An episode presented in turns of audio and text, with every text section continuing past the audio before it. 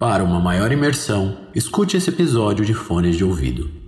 Bem-vindos ao podcast Pesadelos. Antes de começar o episódio, não se esqueça de nos seguir no Instagram, pesadelos.cast, no Twitter, pesadeloscast e curtir a nossa página no Facebook.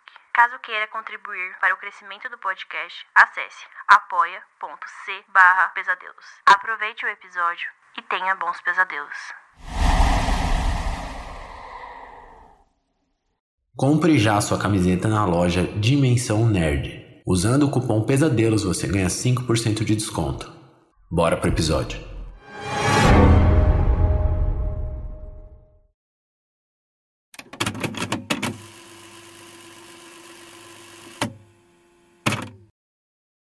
Cara, isso tudo é insano e eu nem sei o que dizer. Sempre que você conta uma história, eu penso: se existe um Deus justo, todas essas mortes que você diz que entram para sua conta serão perdoadas. Você não acha? Ah, meu rapaz, eu sei que não. Eu já morri e sei exatamente para onde eu fui. Relatos de um Exorcista, Parte 9, por William Camargo.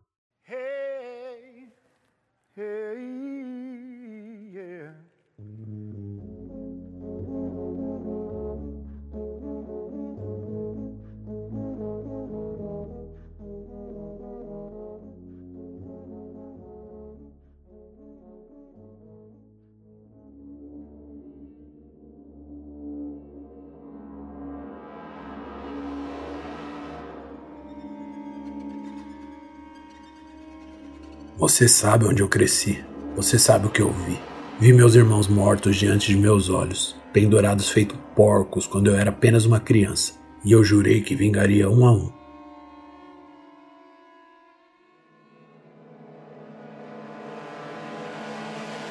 O ano era 1990. Eu estava com a cabeça cheia de casos. Casos de possessão, casos de sequestro, casos pipocando por toda São Paulo.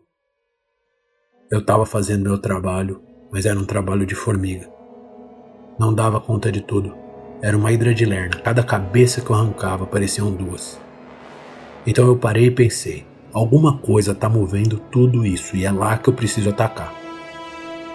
Em 90, a Estação da Luz durante a noite era um verdadeiro inferno. Prostituição, tráfico de drogas, venda de armas. Ali você conseguia qualquer coisa. Um ótimo lugar para encontrar um demônio desgraçado, sugando energia de algum drogado qualquer. E eu andei tarde da noite por aquelas ruas fétidas, rodeado por todo tipo de criminoso. E eu havia levado minha medalha de Davi. Era um pingente de ouro com a estrela de Davi. Bastava balançar que ele me guiava como se fosse um imã para essas criaturas malditas aqui na Terra. E eu encontrei. Vi uma mulher de costas, uma mulher de talvez seus 50 anos, com roupas curtas demais para a idade. Com certeza uma mulher da vida. Ela estava em um beco encostado em uma caçamba. Estava desmaiada quase. Tinha um cachimbo de crack em sua mão. E meu colar com a estrela de Davi apontou direto para ela. Eu nunca fui bom em capturar esses merdas. Naquela época eu só matava. Mas eu precisava de informações. O maldito estava ocupado demais sugando a energia daquela senhora para me perceber. Dei a volta na caçamba, coloquei um vaso de contenção e apontei a arma para ele. Tava carregada com umas balas boas. Dei um tiro na caçamba para assustar e o idiota caiu certinho. Correu de mim direto pro vaso atrás dele. Eu o prendi e levei para casa. Era um demônio bem pequeno, nada demais. Com certeza sabia de algo. Eu peguei um tabuleiro Ouija e água benta. Cada pergunta que eu fazia ele não respondia ou tentava qualquer gracinha, eu pingava água benta no jarro. Foi quando eu descobri. Existia uma organização, uns satanistas filhos da puta. Eles sequestravam crianças para extrair o sangue. Na época eu não soube, mas o sangue dessas crianças tinha uma coisa chamada adrenocromo. É um tipo de substância que atrasa o envelhecimento ou algo assim. A merda é que para extrair isso das crianças elas devem estar apavoradas. Então eles torturavam primeiro e tiravam depois. Aquilo me deu tanto ódio que eu derramei o frasco inteiro de água benta dentro do vaso eu lembrei de meus irmãos do orfanato. Mas eu sabia onde encontrá-los. Eu me preparei e fui. Mas eu não estava pronto para o que eu encontrei lá. Era um sítio afastado de tudo no interior de São Paulo. Eu estava puto. Eu nem pensei muito. Eu entraria metendo bala e pronto. Se acabasse, eu daria um jeito. Mas já tinha prometido que jamais usaria um demônio da violência. Precisava estar consciente. Talvez interrogar mais alguém. Não, na verdade não. Eu queria matar todos mesmo. A porteira estava fechada, eu tive que pular. E eu entrei sem carro.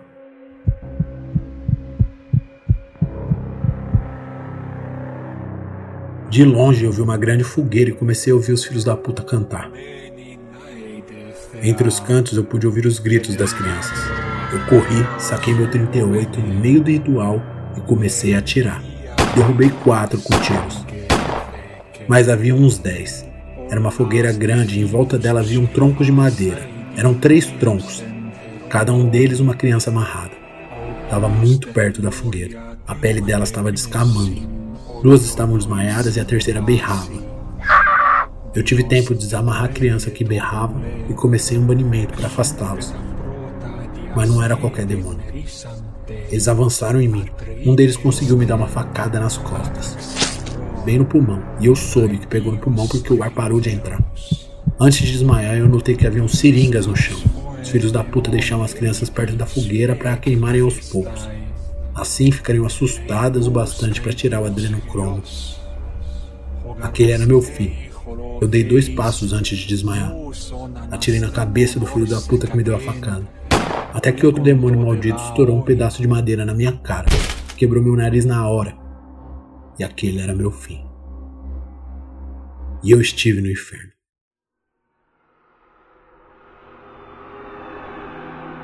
Eu me lembro de estar em um lugar escuro. Eu ouvia gritos, eu ouvia lamentos, vozes familiares pedindo socorro. E eu não podia andar. Eu podia ouvir a risada do demônio bem atrás de mim.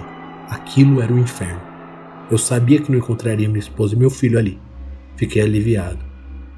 Sabia que aquele era meu destino. Não sei dizer quanto tempo passou, mas me pareceram horas. Paralisado, sentindo as piores emoções da minha vida. Eu havia morrido.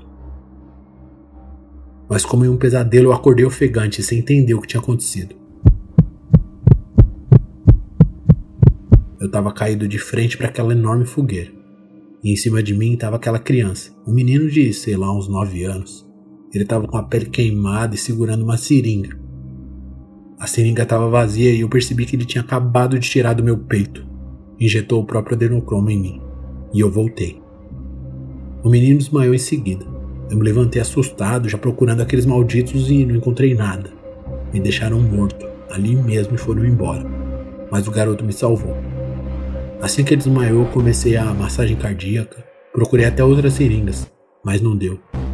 Aquele menino morreu ali, bem na minha frente, logo após ter me salvado.